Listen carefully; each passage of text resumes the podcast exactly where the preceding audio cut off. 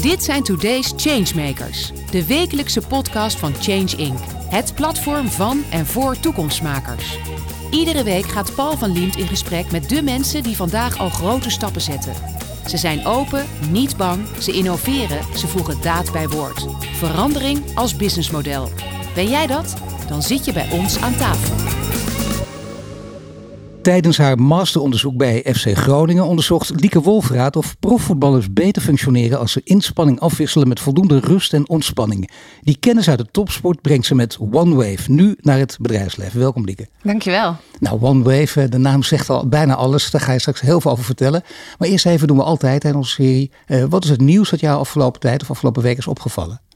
Uh, wat mij is opgevallen, uh, nou, daar wordt natuurlijk steeds meer gesproken ook over de verkoeling van de economie en uh, de schaarste in de arbeidsmarkt. En ik ben heel benieuwd of organisaties nou juist meer gaan investeren in het goed werkgeverschap, of dat die budgetten juist bevroren worden. Maar wat bedoel je met goed werkgeverschap? Want dat is inderdaad waar het nu over gaat. Ja, dat klopt. Ja. Ja, nou goed voor je mensen ook zorgen.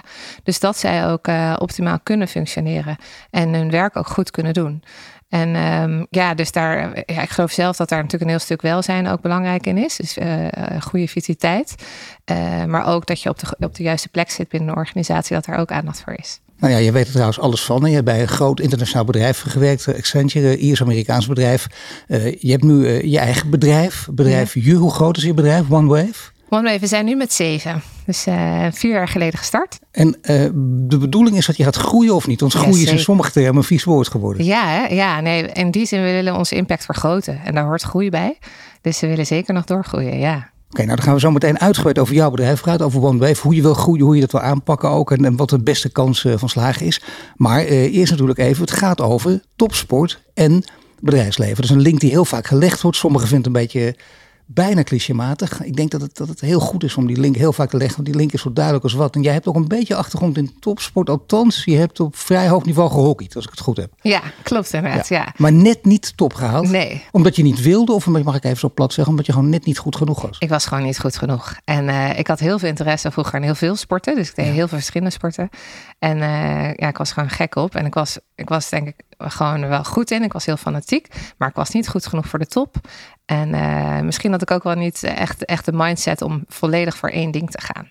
Dus ik vond zoveel dingen interessant. Dus dat was ook wel een kenmerk bij mij. Nou ja, dat heeft natuurlijk ook heel veel mee te maken. Ja, als je het doet, dan moet je echt volledig daarvoor gaan. Dus het enige wat je doet, eigenlijk met oogkleppen op doorgaan. Het verhaal kennen natuurlijk allemaal.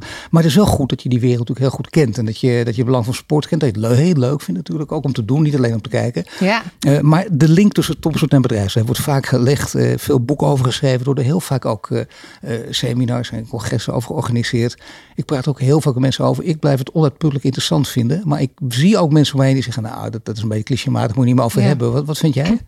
Nou, uh, wat ik vind is dat uh, ons leven eigenlijk gewoon steeds meer op topsport begint te lijken. En volgens mij is dat wel een verschil met, uh, nou ja, twaalf jaar geleden toen ik er begon.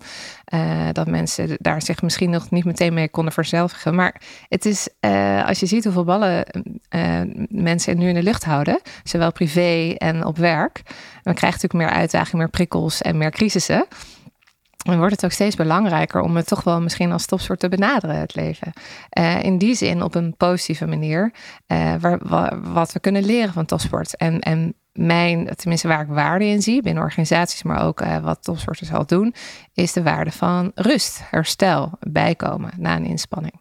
Wat goed dat je dat zegt. En wat, wat mooi eigenlijk op dit moment. Want het viel mij op afgelopen week heel veel columns in verschillende kranten gingen allemaal over dit onderwerp na corona, kijk eens wat er gebeurt. Ene feestje naar het andere. Je kunt er niet wegblijven. En je hebt enorm volle agenda's. Dus zullen we uh, met elkaar gaan eten? Wanneer kan dat? Over drie ja. maanden. Dan heb ik ergens ja. een plekje. Ja. En dat je zo schrikt. Want tijdens corona was het dan misschien te saai. Er gebeurde niks. Maar heel veel mensen hebben het ook als weldadig ervaren. We moeten natuurlijk niet terug naar die tijd. Dat laten we niet hopen zelfs. Nee, maar nee. er moet wel meer evenwicht komen. Denk jij ook? Ja, zeker. Echt weer meer evenwicht. En dat is best moeilijk. Want het is, uh, we zijn eerder geneigd om graag mensen misschien te pleasen en, en uh, veel sociale activiteiten mee te gaan. En daarin vergeten we onszelf nog wel eens. En vooral als je het moet combineren met een een drukke baan. Of in ieder geval een, een intensieve baan. En misschien ook nog een gezin thuis, dan is dat wel uitdagend. En, en wat kun je dan leren van, van topsport? Want ik, ik, lees ook in verschillende interviews, jij noemt vaak één boek, het boek, het boek Drive van, van Mark Duidert, wat heel interessant is. Hè? Je natuurlijk over de Stoïcijnse filosofie praat. Ook een hele, echt een aanrader, dat boek sowieso, die filosofie ook. Maar wat kun je dan leren van dat boek en van topsport? Um, nou, wat je kan leren, wat ik heel interessant vind, is dat uh, als je kijkt naar eigenlijk dus dat uh, die goede balans tussen inspanning en ontspanning, gaat het niet alleen maar om het fysieke stuk. En ik denk dat daar veel mensen aan denken bij topsport.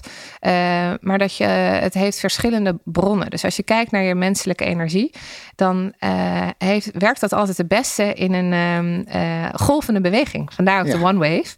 En die golvende beweging, dat geldt dus niet alleen voor fysiek. Dus overdag veel bewegen is gezond en slaap ernaast. Maar ook mentaal. Hoe zorg je dat je een goede focus houdt?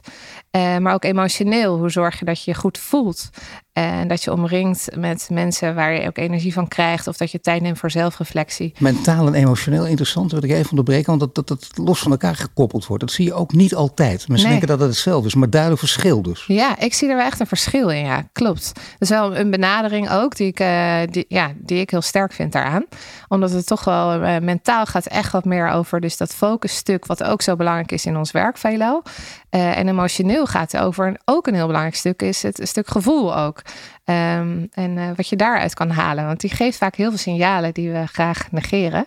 Uh, maar die heel waardevol zijn. Ja, dat is een hele belangrijke dit. Want het is uh, een beetje het idee van de uh, je werkt ergens op een bedrijf, je vindt het heel prettig en zo. Uh, je bent mentaal heel goed in de zin van je kunt je lang concentreren. Wat al heel wat is natuurlijk ook. Je kunt je mobiele telefoon een tijdje wegleggen. En dat, dat scheelt als je dat kan. Ja. Maar uh, de basis is een, een beetje letterlijk bazig type. En dan denk je, nou, daar moet ik maar mee leren leven. Terwijl dat is, dat is niet nodig. Want dat nee. geeft net een vervelend gevoel. De, de, eerste stap op weg, het trapje, je gaat je kantoor binnen. Zijn vaak al onprettig voor mensen die dat meemaken. Dus dat is ja. inderdaad een belangrijke. Ja. ja, ja, en het dan ook bij jezelf zoeken. En niet, je gaat een ander niet snel veranderen. Maar wat kun jij doen om daar beter mee om te gaan? Of een keuze in te maken.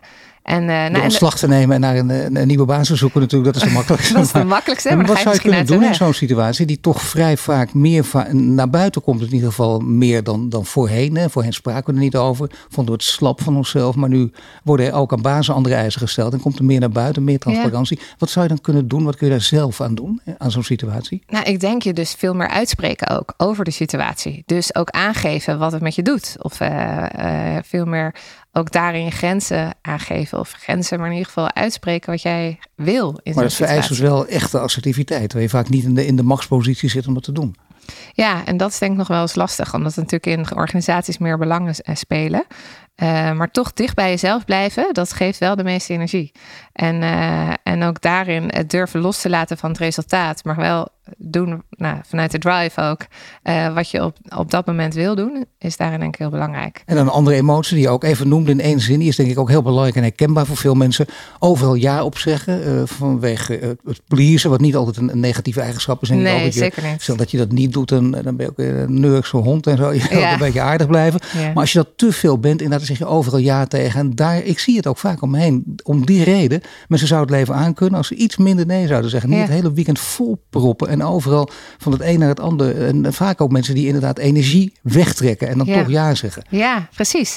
Nou, en, en daar gaat het volgens mij om dat je bewustere keuzes maakt. En daar willen we ook mensen graag bij helpen. Dus dat je dus uh, veel meer ook zelf weet van... hey, is dit nou iemand waarmee ik ook mijn tijd en energie wil besteden of niet? Is het nu belangrijk? Als ik nu incheck met mezelf, is dit nu wat ik wil? Um, dus ik denk dat dat goed is. En tuurlijk ja, doe je wel eens dingen die gewoon minder, uh, ja, minder, misschien minder leuk zijn. Of die er zijn nu eenmaal verplichtingen. Ik bedoel, daar kun je aan ontkomen, maar dan ben je ja. totaal asociaal wezen uiteindelijk. Dat, dat is Daarom. ook niet prettig. Nee, tuurlijk. Maar wat, wat is One Wave? Hoe zou jij je bedrijf omschrijven voor mensen die je niet kennen? Um, nou, wij willen uh, vooral organisaties en medewerkers uh, helpen om nou, die betere balans, dat betere evenwicht te vinden tussen inspanning en ontspanning. En um, nou, dat mes snijdt aan twee kanten. En wat wij doen is dat we mensen persoonlijk inzicht geven over een aantal dagen en nachten. Van wat geeft jou nou stress en wanneer ben jij uh, juist meer in rust? En als je over meerdere dagen meet, uh, gaat die lijn dan omhoog? Blijft hij hetzelfde of gaat hij naar beneden? En wat zijn dan factoren die daar invloed op hebben? En je houdt een logboek bij, dus je kunt precies zien: hey, oh, dit gesprek ja. met die manager, ja. die kostte mij, uh, dat, dat is behoorlijk stressvol. Of ja. hey, eventjes. Uh, uh, een muziekje luisteren, oh, daar kom ik dus wel van bij en dat is uh, uh, goed voor mij. En waar wij op focussen is juist de positieve benadering. Dus we willen niet zeggen, oh, je moet minder stress of stress elimineren uit je leven, maar hoe compenseer je het met genoeg rust? En dat kan echt in een minuut, kan in vijf minuten, ja, dat afhankelijk van wat je nodig hebt. Maar door kleine stapjes, kleine veranderingen, kan je je wel veel fitter voelen. Ik noemde in mijn intro SC Groningen. Dat is een sprekend voorbeeld. Een voetbalclub, uh, voetbal, relatief conservatieve wereld. Wel alle ogen daarop gericht zijn. Natuurlijk een miljardenbusiness, weten we ook allemaal. Ook hele grote entertainment business biedt mensen heel veel plezier. Uh, de spelers zelf willen ook graag acteren in zo'n wereld. Ja. Maar ja, die hebben natuurlijk ook te maken met, met heel veel enorme prestatiedwang. Ja. En dat zie je in de entertainmentwereld, dat zie je in de culturele wereld, zie je in de mediawereld denk ik ook heel sterk. De sportwereld nog meer. En daar, heel mooi, hè, dat heb je bij FC Groningen denk ik toch wel een en ander geleerd? Want wat heb je daar precies gedaan? Ja, nou, ik heb daar, ik deed onder andere onderzoek naar prestatiebepalende factoren. Uh, hoe kun je de top bereiken en hoe blijf je ook op de top? Nou, ik heb het zelf helaas dus niet kunnen meemaken, maar ik vond het wel gaaf om andere mensen daarbij te helpen. Uh, bij FC Groningen heb ik dus onder andere gekeken. Ja, het is best een, natuurlijk een technisch verhaal. Maar nou, naar dat geeft niet. Nee, uh, doe maar even, probeer maar even. Uh, het interval uithoudingsvermogen is een be belangrijke prestatiebepalende kwaliteit bij voetballers. begin van het seizoen gemeten met een piepjestest en halverwege het seizoen. En bijgehouden wat is het type training, de duur van de training en hoe zijn ze hersteld na die training. En op die manier gekeken, wat zijn nou factoren? En wat daaruit kwam, is dus dat het heel persoonlijk is. Dus de ene herstelt heel snel na een training en de ander veel minder. Nou, precies dezelfde training. Ja, exact. Ja, dat is toch interessant. Nee, dat is voor mensen die nog aan twijfelen. Dat dat inderdaad, uh, dit is ook uh, geen one size fits all pakket. Nee, nee, nee. En, en mooi was, uh, nou, nu een paar jaar geleden kwam ik in contact met een tool die dat meet. En dat is natuurlijk te gek, want dan is het niet meer subjectief. Maar dan kun je gewoon echt bij jezelf zien: hey, hoe sta ik ervoor? En uh, wat, ja, wat is mijn uh, beste training eigenlijk die ik nu nodig heb? De tool heet de zogenaamde wearable. Ja, exact. Maar ja. dat, is, dat kun je, een wearable, dat is, daar heb je natuurlijk heel veel uh, mogelijkheden in. Tenminste, zo probeer ik maar even. Ja. En als het niet waar is, moet jij mij corrigeren. Maar ik denk, dan heb je dus slimme brillen, slimme ringen, de horloges, de Apple Ja. Watch. Ik mag geen merk noemen, want er zijn ook andere. Maar zo is er nog veel meer. En je hebt natuurlijk ook, ja, weet ik het, fitness trackers zijn ook bekend. Zijn dat allemaal wearables of doen jullie net wat anders? Dat zijn allemaal wearables. En wij gebruiken een, nou, toch een meer een exclusieve wearable. Die draag je op je borst. Uh, zodat het dicht bij je hart zit. Het meet dus wel je hartslag en je hartslagvariatie haalt het eruit. Uh, maar daardoor is je data veel accurater. Uh, en het lijkt op een ECG. En bij wearables die je op je, op je pols draagt, dan is het toch vaak een meter van je hart af, waardoor die data ook net wat minder accuraat is. Maar bij je hart uh, zit dat lekker? Heb je daar steeds, ik bedoel, heb je, ben je overbewust van dat je het op hebt dan ook? Of nee, niet? ja, we horen van uh, eigenlijk alle deelnemers niet. Dus je plakt even met, met een soort klein plakkertje, plak je het op je borst.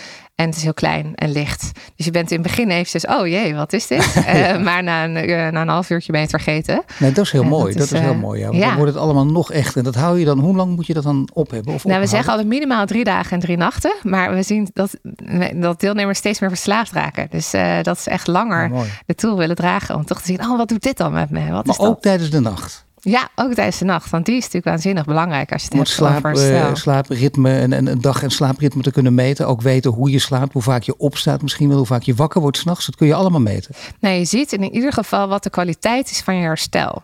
En als je slaapt, hoeft nog niet te zeggen dat je ook herstelt. En het lichaam heeft twee standen, eigenlijk uh, meer de gaspedaal en de rem. Uh, sympathicus en parasympathicus. En um, wat je ziet is dat, die, uh, dat je wil dat je lichaam ook volledig in herstel is s'nachts. En dat kun je dus zichtbaar maken. Maar die hebt het bij FC Groningen gedaan. En wanneer heb je dat gedaan? Dit seizoen of niet? Afgelopen seizoen? Nee, tijdens mijn masteronderzoek. Dus dat was in 2006. En wat was het resultaat? Ik zat even te denken hoe dit seizoen gegaan is bij FC Groningen. Wat was het resultaat toen van Groningen? Waar zijn ze geëindigd? Dit jaar weet ik niet. Ik nee, maar to, toen jij oh, het onderzoek toen, deed? Uh, toen vrij, want Foppe de Haan was dat nog. En uh, ja, ze zijn goed geëindigd. Dus ze hebben in ieder geval ook uh, SC Heerenveen oh, heeft het ook overgenomen. De inzichten. Ja. Maar nee, onder Foppe de Haan hebben ze goede resultaten bereikt. Dus dit seizoen viel een beetje tegen. dat is waar ook. Nee, goed tijdens jouw masteronderzoek. Dat heb je gelijk natuurlijk. Dat scheelt enorm.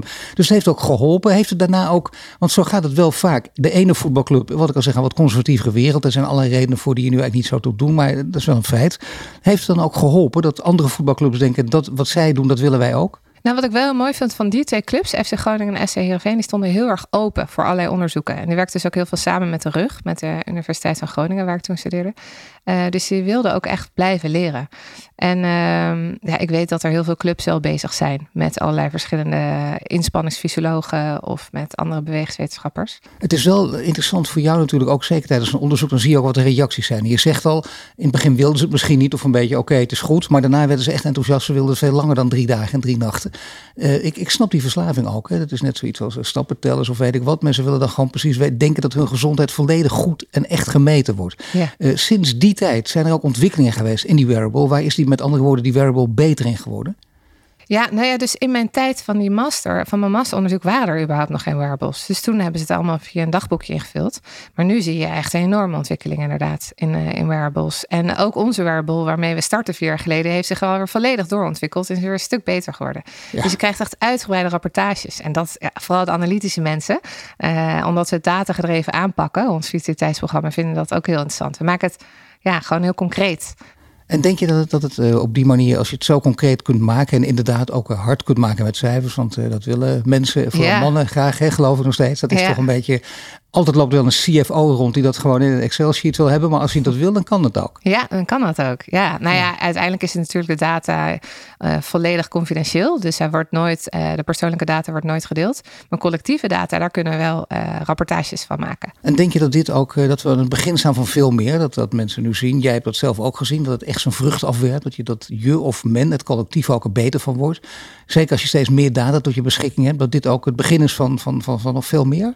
Denk het wel, denk het wel. En ik denk, uh, omdat je zo ziet dat mensen met zo'n kleine investering, het kost ook bijna geen tijd, uh, je toch het gevoel van ik heb iets meer grip op een aantal dingen die ik toch lastig vind. Uh, dat heeft zo'n positieve bijdrage. En wat ik zei, het mes snijdt dus aan twee kanten. Dus het is voor de werkgever natuurlijk heel prachtig als medewerkers blijer zijn, productiever zijn en uh, liever bij je willen blijven. En goed werkgeverschap is natuurlijk ook steeds belangrijker in deze tijd. Maar de medewerker heeft ook heel veel aan. We horen ook, het is echt een cadeau. Dus ik, ik zie ook wel de verschuiving, vooral ook naar corona, dat er veel meer organisaties hierin willen investeren. En het gaat niet meer, dat geeft werk, werknemers ook aan. Het gaat niet meer alleen om die hoge salaris, maar juist ook om, uh, om, om het stukje welzijn. Wordt ook nee, goed ik denk voor dat mij dat helemaal gelijk op is echt past ook in de trend van deze tijd inderdaad. Uh, welvaart en welzijn, anders ook zelfs naar een BBP gaan kijken. Dat kun je ook met hele interessante economische berekening serieus uh, ja. veranderen en beter maken. En dat ik zeker jonge generaties hechten er waarde aan, vinden dat belangrijk. En die gaan natuurlijk ook de arbeidsmarkt steeds meer betreden en, en daar dominant ook worden. Dat geloof ik zeker dat dat kan. Uh, je zegt het kost weinig tijd. Ik wou bijna vragen, kost het weinig geld? Of dat je dat uit jezelf zou gaan zeggen. Want weinig tijd snap ik, uh, relatief. Ja. Maar uh, kost het ook veel of weinig geld? Uh, ik vind het weinig geld als je kijkt naar wat het oplevert. maar het is een paar honderd euro per medewerker. Ehm, maar het is natuurlijk afhankelijk als je kijkt natuurlijk naar de business case, wat ik bij Accenture heb mogen doen. dan zie je dat het zich zeker terugbetaalt. Als je kijkt naar ziekteverzuim, engagement, goed werkgeverschap, die elementen. Ja, dat zie je ook. Je trekt natuurlijk ook betere mensen aan. De mensen die vinden dat dat, ja. dat is een cadeautje erbij, maar niet zomaar een cadeautje. Echt een belangrijke. In het kader van vitaliteit, al die programma's. Je kunt ze niet overboord gooien, maar dit is wel echt een hele belangrijke toevoeging dan. Ja, ja. Zeker. En uh, uh, ja, we zien ook vooral van een jonge generatie waarbij stress eigenlijk steeds eerder een probleem wordt. En uh, nou, helaas het aantal burn-outs ook begint toe te nemen. is het echt een belangrijke. en onderscheid je daar als organisatie ook in. Als nou ja, je vanwege al die ballen die je, die je in de lucht wil houden. Ja. En ook inderdaad toch niet kunnen kiezen, prestatiedwang en zo. Er zijn veel boeken over geschreven. Maar dat ja. idee heb ik ook, dat dat, of je ziet het zelfs, het idee niet alleen, het neemt, neemt hand over hand toe. Ja. Nee, dat is waar. Daar, daar wil je gewoon echt iets aan doen. Je zei ook al, dat is ook een belangrijke levensles, denk ik. Je hebt regie over je leven. Dat blijkt ook uit alle statistieken. Mensen die regie over hun leven, ja. enige controle, dan, dat, dat maakt gelukkig. Ja, nou en dat is ook wel mooi doordat we dus 24 uur meten. Dus niet alleen je werktijd, maar ook wat je naast werk doet. Gaat het ook echt over jouw leven. En we zien dat daardoor mensen ook eerder inderdaad die regie of dat eigenaarschap pakken. En niet meteen wijs naar de werkgever van, oh, het is allemaal jullie schuld. Maar hé, hey, wat kan ik ook zelf doen?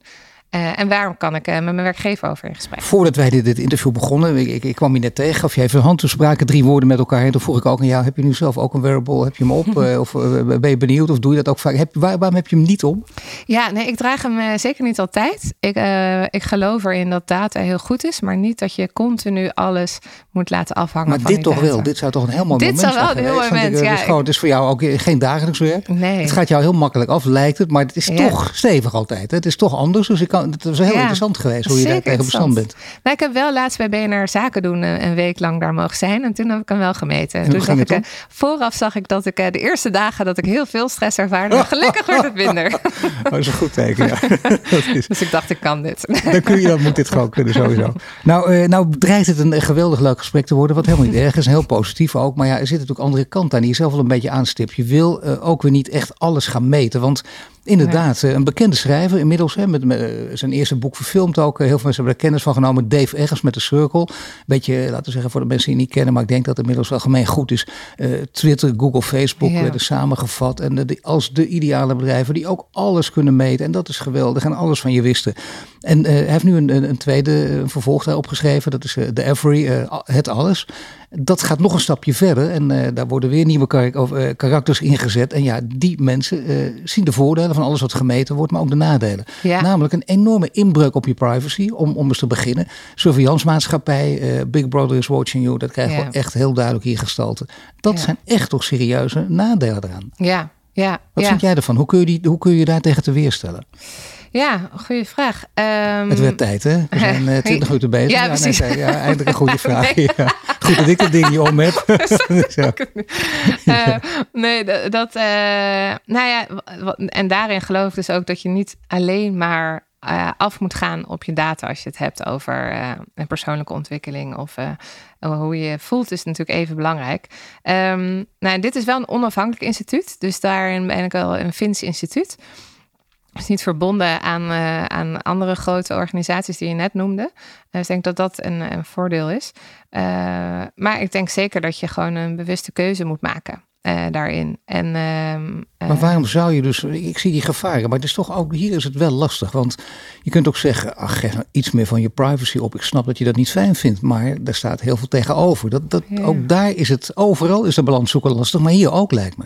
Ja, ja en in, in hoeverre is het echt eh, privacy opgeven? Dat vraag ik me wel af. Want de data is wel echt alleen maar voor de deelnemer. En de collectieve data, daar kunnen we wel iets mee. eh, Maar iemand kan daar naar kijken. Iemand weet dat, de, de onderzoeker weet het natuurlijk. Ja, de onderzoeker, wij hebben natuurlijk wel die data ook, inderdaad. Ja. Ja, ik denk dat het heel belangrijk is eh, of een organisatie er op een positieve manier mee wil omgaan, of er gebruik van wil maken. Of hij er een business van maakt, of dat hij het echt doet eh, met als, als doel om eh, waarde toe te voegen en eh, de mens beter te maken. Maar mag ik dan toch dat voetbalvoorbeeld, omdat je dat zelf natuurlijk als eerste onderzoek gedaan hebt SC Groningen, dat kan ook heel confronterend zijn. Dat, eh, en dat kan ook directe gevolgen hebben. Dat je denkt, eh, wacht, eh, het voetbal ontwikkelt zich ook als een, eh, als een sport waarin je steeds meer kilometers maakt per 90 minuten. Ja, Dat betekent dus ook dat je denkt, wacht even, het is een waanzinnige speler, geweldige techniek, eh, enorme kopkracht. Maar eh, ja, wacht even, hij loopt maar 10,2 kilometer per wedstrijd. En toch een kilometer eh, onder het gemiddelde, dus ja, daar moeten we afscheid van nemen. Ja, of je denkt, die doet het heel efficiënt. En dat is juist zo goed.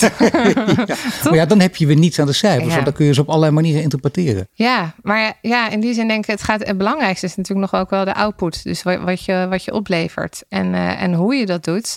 Eh, daar zijn heel veel verschillen in. En elk persoon heeft ook een andere voorkeur eh, voor bepaalde gedragingen of eh, bepaalde. Wil, wil jij het altijd per se weten als je met een bedrijf in zee gaat? Van wat, wat doen jullie? Wat, wat is eigenlijk de reden dat jullie met ons in zee willen gaan? Want je zou misschien zelfs al zover kunnen gaan dat je zegt: we kunnen ook klanten weigeren die, die, echt, die dit op een paar manieren gaan gebruiken, misschien wel misbruiken. Ja, nou, wij, wij eh, zijn wel scherp op het feit. Gebruiken ze het alleen maar als een soort eh, window dressing? Of hebben ze echt eh, intrinsieke motivatie om voor hun medewerkers te zorgen? Ehm, want als dat eerst het geval is, dan hebben we wel een ander gesprek. Of we kunnen toch nog de mensen laten inzien dat het wel meer biedt en dat het ook echt belangrijk is. En wat we eigenlijk bijna altijd doen, is starten met het leadership. Dus starten met het directieteam of bovenin, zodat zij het zelf kunnen ervaren. Uh, en ook weten waar ze ja tegen zeggen. En ook, wij stellen dan ook een kritische vraag: gaan jullie het ook uitdragen? Anders heeft het ook geen zin. Nee. Uh, Als, je, als jij niet zal uitdragen dat er ook een ontspanning mag zijn, uh, of rust mag zijn, en dan moet je ook niet voor ons gaan kiezen, want dat is wel waar wij in geloven. Nee, want dat, daar gaat het juist extreem om. Het zou kunnen zijn dat je, dat je gewoon iemand te veel aan het afbeulen bent, dat de werkgever het ook te horen krijgt, om het even plat te zeggen. En dat betekent ook dat je kunt pleiten voor het zogenaamde middagslaapje of de power nap. Ik bedoel, zijn dat allemaal onderdelen van jullie programma die je ook als advies zou kunnen aanbieden of niet? Zeker, ja. En dan is bijvoorbeeld een powernap is dus weer heel afhankelijk van hoe je s'avonds, uh, s'nachts slaapt. Als je s'nachts niet goed slaapt, moet je geen powernap nemen. Je moet het voor twee uur doen. Je moet het niet langer dan 20 minuten doen. Nou, allemaal dat soort kleine dingen.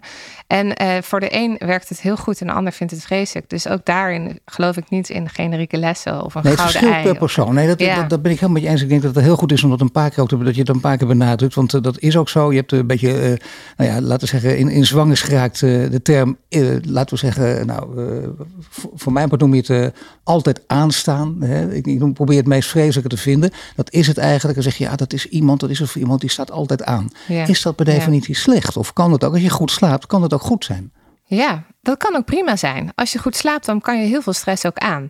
En daarom vinden wij het ook zo belangrijk dat we altijd een persoonlijk feedbackgesprek ook doen. Naar aanleiding van de data. Dat je die goed interpreteert. De mensen gaan niet alleen maar zelf interpreteren, maar ook met onze uh, kennis en adviezen uh, aan de slag. Waarbij wij niet gaan zeggen, jij moet een uur eerder naar bed. Maar we laten de anderen ook analyses maken. Wat valt jou op? Wat is jouw grootste inzicht? Wat, wat? En uh, om op die manier te kijken, goh, wat, en wat is je ambitie erin? Ik bedoel, als je je goed voelt, ja, dan gaan wij jou niet vertellen dat je dingen anders moet doen. Of tenzij we echt zien van, hé, hey, volgens mij is hier wel een potentieel wat beter kan of anders kan. En dan gaat het veel maar daar. Het is maar net hoe je dat interpreteert. Want dat, ja. dat alles aanstaan is, die, die is een vreselijke term. Het wordt vaak ook negatief gezien, net als groei trouwens, wat ook heel positief kan zijn. Ja. Dus ook iemand die, die het er gewoon in zich heeft, je bent altijd alert en je slaapt er ook goed bij, dan is er of redelijk goed, dan is dat op zichzelf niets aan de hand. Nee, nou en die context, precies wat je beschrijft, die is eigenlijk heel belangrijk. En die proberen we altijd eerst helemaal uit te halen, zodat we die data kunnen contextualiseren. Want dan voegt het ook waarde toe voor iemand. En dan uh, ja, kun je veel beter ook gaan kijken wat er nodig is. Is dit alleen gericht op het bedrijfsleven en de topsportwereld? Of zou de overheid hier bijvoorbeeld ook gebruik van kunnen maken? Nee, alleen het bedrijfsleven voor nu. Ja. ja. Uh, tenminste, daar hebben we ons nu op gericht. Uh, ik denk wel dat het voor elk individu interessant kan zijn. Dus in dat opzicht ben ik het, denk ik dat het heel interessant is. maar daarin moet je wel kijken dat de overheid die data niet krijgt, zou ik dan zeggen. Dus dat je daar wel kritisch naar kijkt. Nou ja, dan wordt het inderdaad iets anders. Stel dat je, het zou voor een ministerie ook geweldig kunnen zijn. Ik bedoel, daar lopen ook mensen rond die ook uh, topsportbedrijven, ja, die er wat aan kunnen hebben. Maar dan kom je inderdaad, uh, in, in, dat is een andere orde ook weer. Nou ja, wordt anders met privacy omgaan. Maar onze, uh, de bedrijven waarmee wij samenwerken, krijgen ook niet de data. Dus dat is natuurlijk wel een hele belangrijke. En die zullen ze ook nooit krijgen.